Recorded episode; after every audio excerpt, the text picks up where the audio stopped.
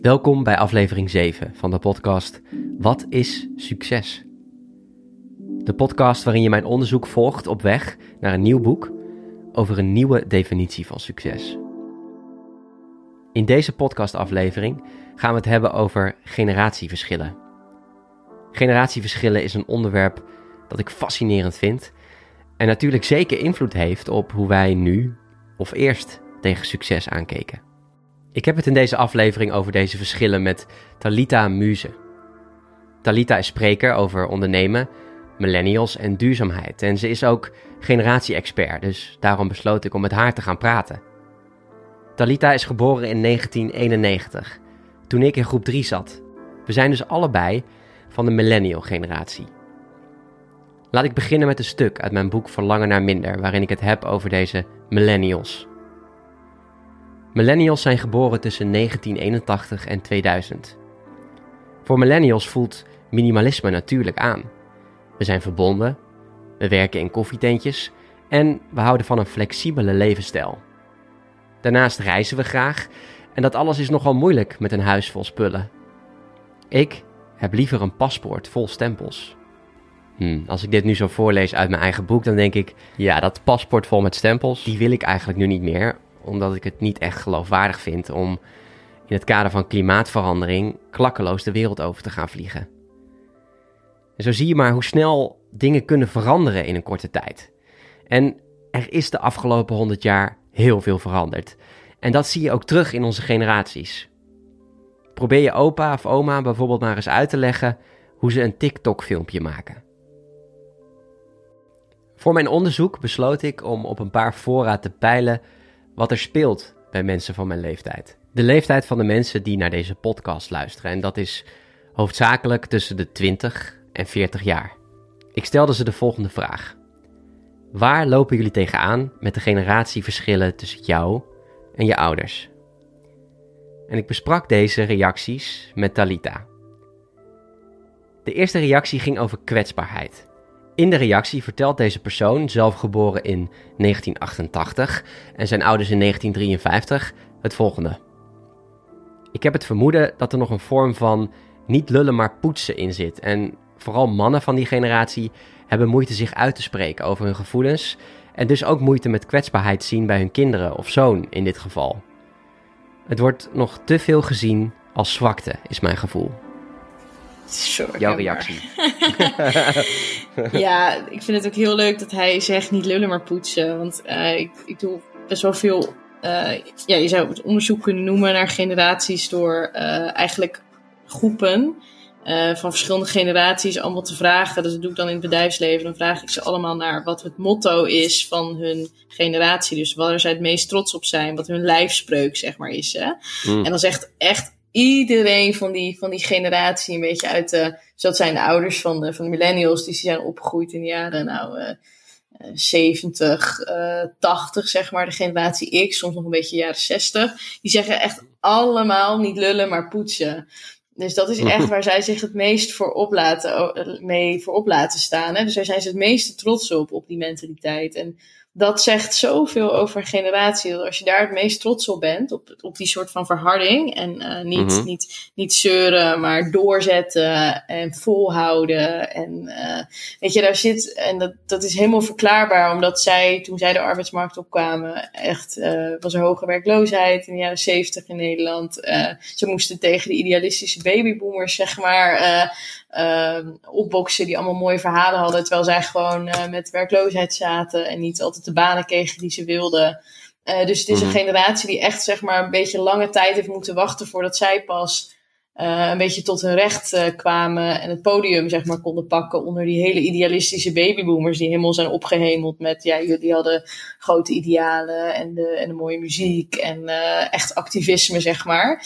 Mhm. Um, en die generatie net daaronder, dat zijn precies die ouders van die millennials, die zijn wat dat betreft een veel ja, nuchterder, soort realistischer, um, iets, iets grijzere kijk of zo op, op de wereld van uh, ja, het is, het is doe niet te veel dromen en het moet allemaal niet te mooi maken. Je moet inderdaad niet te sensitief zijn en je niet laten kennen, want uh, ja, dat, daar is geen plek voor.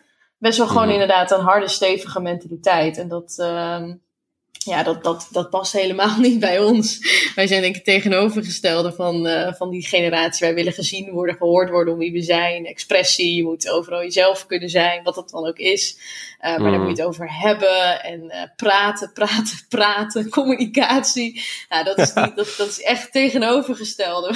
wij, wij kunnen zeg maar uren vullen met dit soort podcasts. En iemand van die generatie zet het waarschijnlijk binnen vijf minuten uit en zegt van, ja, waar, waar, waar, waar, waar gaat dit over? Wat een ja. Ga iets doen.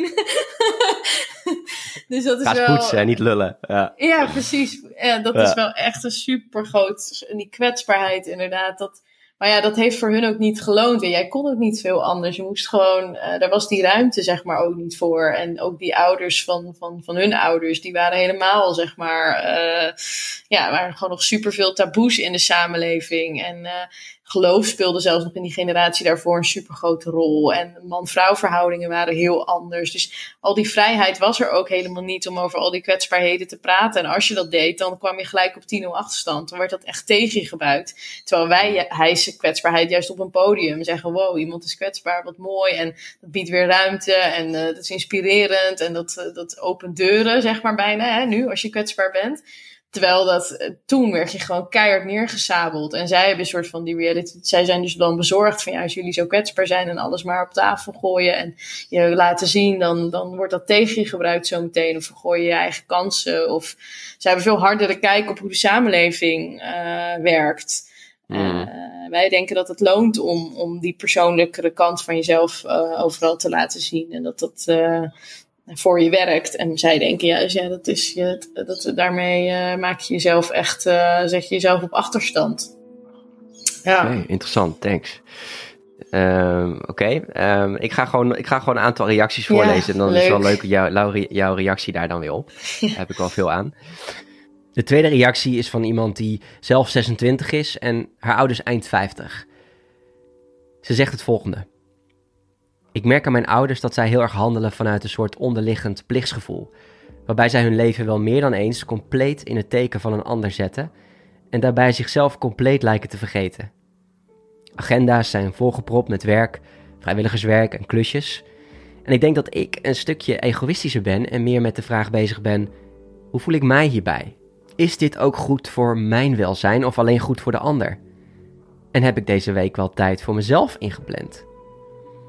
Volgens mij staan mijn ouders veel minder stil bij hun eigen gemoedstoestand. Ik merk ook dat een gevoel van ontevredenheid sneller wordt geaccepteerd. Ontevreden over het werk, dat hoort erbij.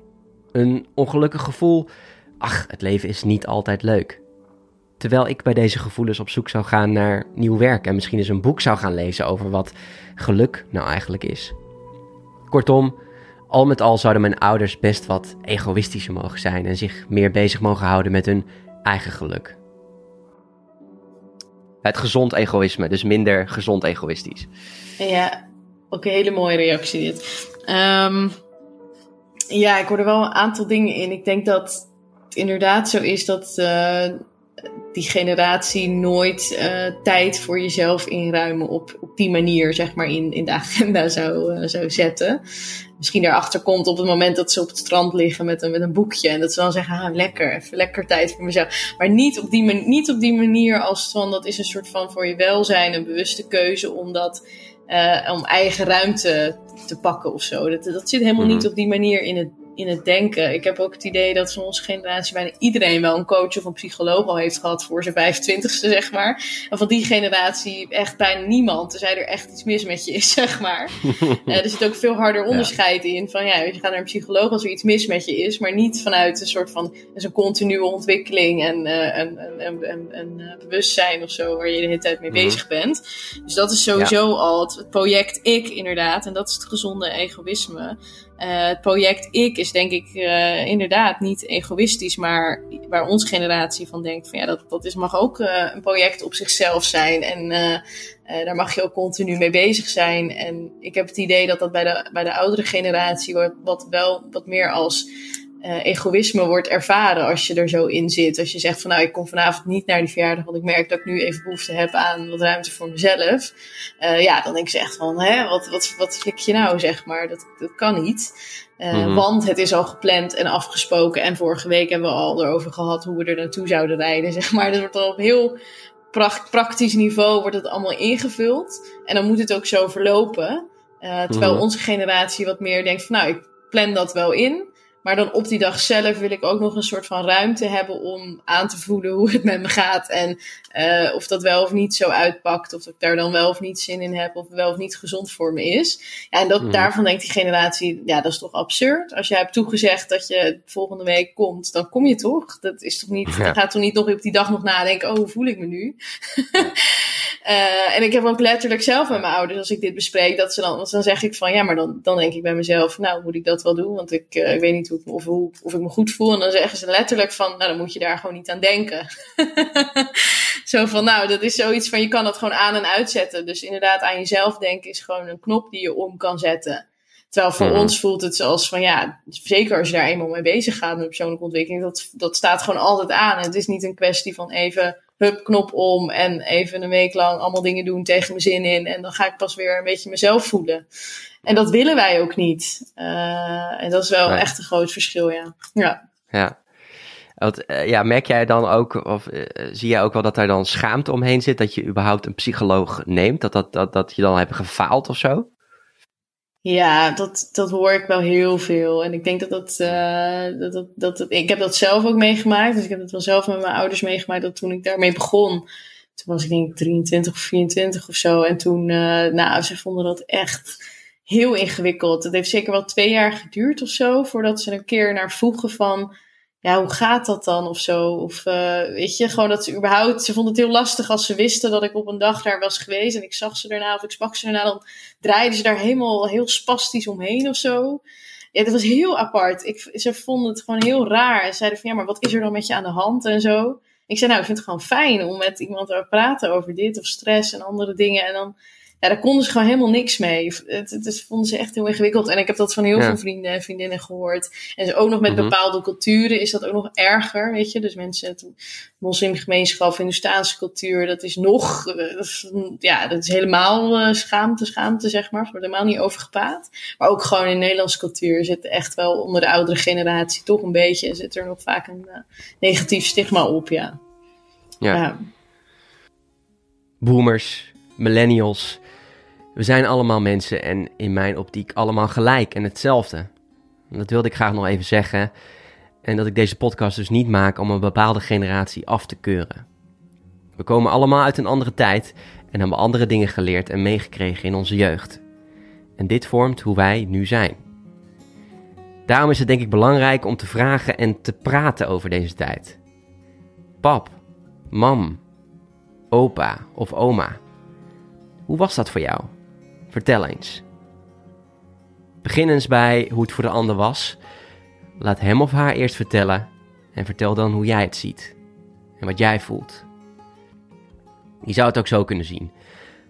Alle generaties hebben bepaalde krachten, maar ook bepaalde zwaktes. Door die te accepteren en te gaan zien, kun je van elkaar leren.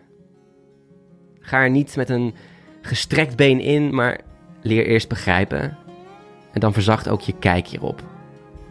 Maar ik denk dat we als jongere generatie moeten begrijpen, ook ergens, dat die oudere generatie uit een periode komt waarin er nog heel andere dingen normaal waren. En dat zij qua bewustwording uh, echt heel andere dingen van hun ouders weer te horen kregen over wat goed of fout was. ik denk dat je wel van mensen mag verwachten dat ze soort van mee ontwikkelen uh, in de tijd, of in ieder geval geïnteresseerd zijn of willen verdiepen. Maar hun natuurlijke reactie zal natuurlijk altijd wel op, zou ergens op altijd blijven haken of um, ja, blijven, blijven haken op het moment in de tijd waarop zij jong waren en hun belangrijkste overtuiging hadden. En ik denk dat wij over 50 jaar of over 40 jaar ook aangesproken worden of aangekeken worden door de dan jonge generaties. Van, huh, maar dit is toch normaal? Waarom denken jullie nog zo over, over hmm. racisme of over duurzaamheid? Echt iedere generatie brengt de discussie naar een, naar een hoger niveau. Nou, bijvoorbeeld bij die Black Lives Matter, eh, waar het een beetje om gaat, is dat, de, dat we sowieso als generaties gewoon een heel andere perceptie hebben van onze realiteit. En dat is best wel moeilijk om te, om te beseffen. Dus bijvoorbeeld bij Black Mhm. Lives Matter. eh, voor ons als jongste generatie is de multiculturele samenleving, dat, dat is gewoon wie wij zijn. Dat is onze identiteit. Wij zijn allemaal opgegroeid in klassen met mensen van verschillende afkomsten. Of je hebt zelf wel twee of drie verschillende achtergronden. Eh, dat is echt wie wij Mhm. zijn. Terwijl voor de vorige generatie is het letterlijk nog een debat van willen we dat? En dat is een, zij kunnen er met een afstand over praten. Want er was letterlijk een moment in de geschiedenis in Nederland waarop eh, Turkse Marokkaanse eh, en Surinaamse arbeidsmigranten naar Nederland kwamen. En mensen uit Indonesië, vanuit de koloniën. Dus dat zijn gewoon voor hen momenten geweest in de geschiedenis waarop er echt een vraag was van... Oh, willen we eigenlijk meer hè, migranten? eh, en willen we dan eigenlijk een multiculturele samenleving zijn of niet? Terwijl Mhm. voor ons is dat super absurd, want wij zijn er letterlijk en het product van, we zijn erin opgegroeid. Het zijn onze vrienden, het is ons denken. eh, we hebben dingen in onze levensstijl overgenomen van verschillende culturen en gewoonten. Dus voor ons gaat het zo van ja, je kan het niet afstandelijk hebben over of je ons wil of niet of zo. Hè? Dat is gewoon super Ja, ja, absurd eigenlijk. Voor ons is het dus Ja. heel existentieel. En ik denk dat dat een soort van verschil in echte realiteit is, waardoor je bijna niet die oudere generatie kan duidelijk maken hoe kwetsend het, er- het is om het daar zo over te hebben. Van nou, willen we wel of niet eh, buitenlanders? Dat klinkt gewoon zo absurd. Omdat wij, voor ons is dat gewoon de werkende realiteit en is het ook de enige weg vooruit. Eh, en dat is denk ik, die verandering is zo moeilijk, omdat het echt over jezelf gaat in, in onze plek, zeg maar, in de wereld. Eh, en dat Mhm. maakt het dat er zoveel emotie op zit. Ehm, en ik denk dat het dus echt vooral heel veel tijd en eh, gesprekken en toch proberen, als je met je ouders het hierover hebt, eh, erachter te komen van het- waar, waar, in, in welke realiteit zijn zij opgegroeid, waar komt dat vandaan, Eh, hoe kijken zij naar de wereld en vanuit daar begrijpen waarom zij zo'n debat eh, als, als angstig of als, eh, als heftig ervaren. Ja. Ik denk dat het echt over meer begrip gaat. Ja, en dat, dat geldt dus ook voor dat, voor dat, ehm, dat, dat je eigenlijk je ouders probeert, ehm, ja, probeert te overtuigen van het feit dat het goed is om in jezelf te investeren en om eens te gaan praten met een psycholoog, bij wijze van spreken. Dat was ook in die tijd niet in vragen. Je had dan, dat moest je niet doen, je werd dan neergesabeld. Dat was, niet, dat was gewoon niet aan de orde dat je dat deed. Ja, en dat zit er nog ik- steeds in. En wat ik dan zo Ja. gek vind, persoonlijk, is dat de, ik denk dat onze ouders ook eh, bij ons zien dat dat op- ons ook goed doet dat wij eh, ons verdiepen in onszelf. En ehm, ja, dat, daar, groeien wij, dan, daar, daar groeien wij ook in. Maar soms lijkt het alsof ze dat dan toch niet, als ze het bij ons zien, toch nog niet oppakken en het zelf ook gaan doen.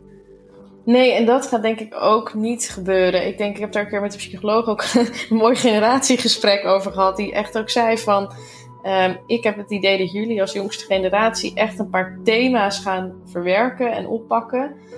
Die, waar de vorige generaties nog niet eens aan toe zijn gekomen. Hè? Dus dat, eh, of dat nou ging over eh, dat je in je opvoeding te weinig aandacht kreeg. Of dat er misschien wel zelfs geweld was. Of dat je als meisje mindere verwachtingen van je waren. Of zeg maar thema's die de hele mensheid echt hebben doorgewerkt. Ik bedoel, dat zit super diep. Hè? Je hebt, we hebben het over institutioneel Mm. racisme, maar ook, je hebt ook institutioneel seksisme. Je hebt ook eh, nou, je hebt allerlei t- trauma's of thema's die worden doorgegeven van generatie op generatie op generatie. En eigenlijk Mhm. denk ik echt dat we pas aan het begin staan van het verwerken van dat soort dingen die al eeuwen heen eh, zijn doorgegeven. En waar nooit eh, de ruimte voor was om, om eigenlijk in het dagelijks leven, omdat het gewoon ging over geld verdienen en je eten voorzien, je gezin eh, voor, voorzien. Hmm. Wij zitten nu ook wel op zo'n en op een welvaartsniveau en op een tijd eh, in de geschiedenis waarin we zoveel aan zelfontplooiing kunnen gaan doen, dat wij eigenlijk ons heel bewust worden van dat soort onderwerpen en daar actief aan kunnen werken. Eh, en ik Hmm. denk dat het, eh, ik wil niet zeggen het is te laat of zo voor de vorige generaties, maar ik, nou ja, ik denk op een bepaalde manier ook wel. Ik denk dat niet zij op die manier daar nog mee aan de slag gaan. Ehm, ik denk dat wij dat, dat, dat doen. En ik heb ook wel eens in het bedrijfsleven een vrouw gehoord, dat was wel heel eerlijk, in een, ook in een generatiesessie, die echt zei van ja, toen, ze, toen zei ze wel heel eerlijk van ik ben eigenlijk best wel jaloers. Als ik nu kijk naar hoe jullie al op zo'n jonge leeftijd zo bewust aan de slag gaan met wie je bent en wie je wil zijn. En eh, eh, zo met zoveel zelfbewustzijn in het leven staan. Dan zegt ze ja, dat, dat, dat, daar ben ik wel jaloers op. Dat, eh, ja, bij ons kwam het Mhm. gewoon niet eens in ons op om over jezelf na te denken aan de start van je. Dat was gewoon niet inderdaad in vragen. Dat was geen kwestie van vind ik dit leuk of past dit bij mij. Dat, je hebt niet geleerd door jouw ouders. Je had niet de taal en de gereedschappen en de tools en ook niet de, de veilige plekken om het daarover te hebben. En, en die hebben wij wel. Dus ik denk dat wij ook niet te hard moeten zijn voor onze ouders dat ze dat niet konden. Eerder bijna uh, proberen uh, empathie te tonen voor. Eigenlijk is het. Ja, zielig klinkt heel hard, maar het is ergens ook heel. Ja, wel verdrietig. Uh, dat onze ouders en voorouders niet die plekken hadden om het over die hele wezenlijke thema's te hebben in hun leven. Mm Dus het is, ik denk dat we er niet te verwijtend in moeten staan, maar juist moeten denken van nou, dat schept voor ons juist alleen maar verantwoordelijkheid, want wij hebben die ruimte wel om dit ook echt goed te benutten. En echt met elkaar en in de samenleving ook echt verder dan te komen in, uh, in bijvoorbeeld zo'n thema als racisme. Uh, Want wij hebben er nu de ruimte en de, en de tijd voor om daar met elkaar echt eens goed over te hebben. Mm -hmm. Ja, ik denk dat dat ook wel uh, een moeilijk ding is voor onze generatie. Dan, wij gunnen onze ouders natuurlijk de hele wereld. En we ja. zouden het liefst hun ook gewoon veel gelukkiger zien. Of veel, dat ze veel beter met dingen kunnen omgaan.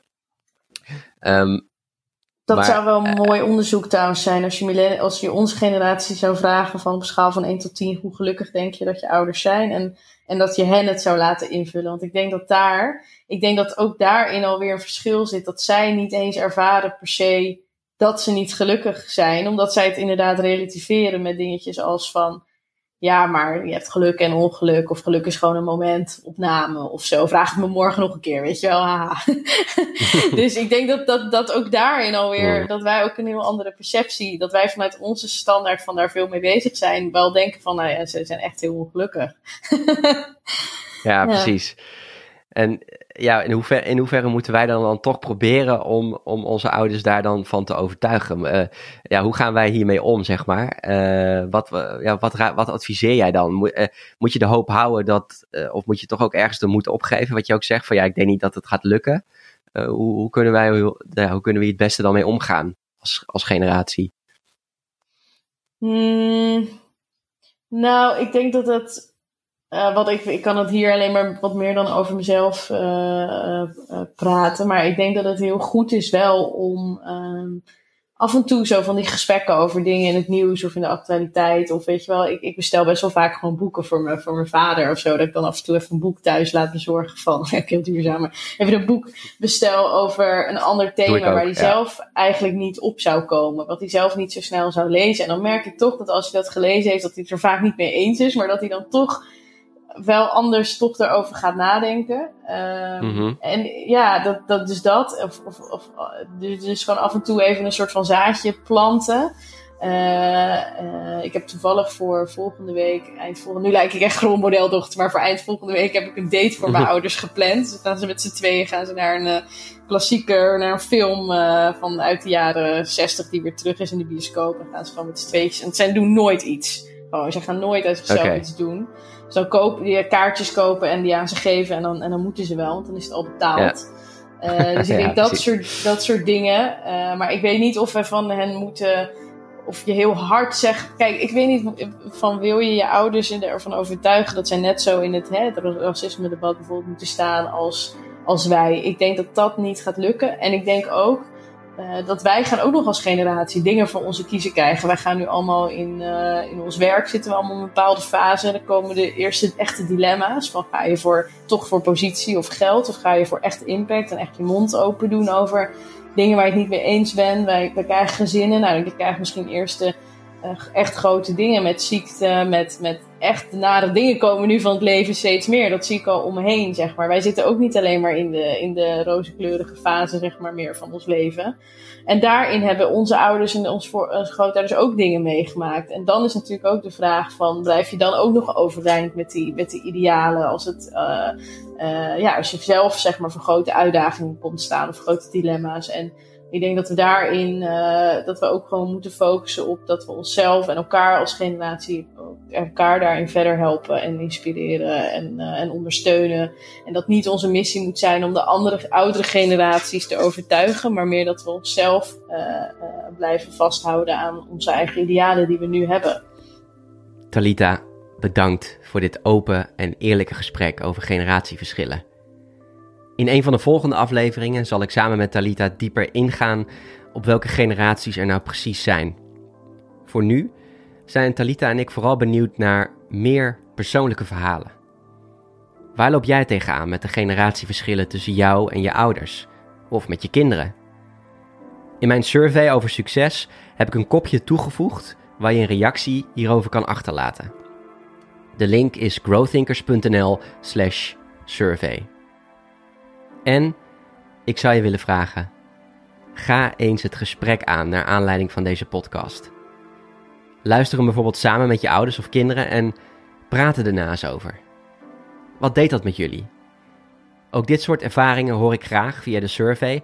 En misschien bel ik je dan wel om deze ervaring met anderen te delen via deze podcast. Bedankt voor het luisteren en tot de volgende aflevering van Wat is succes?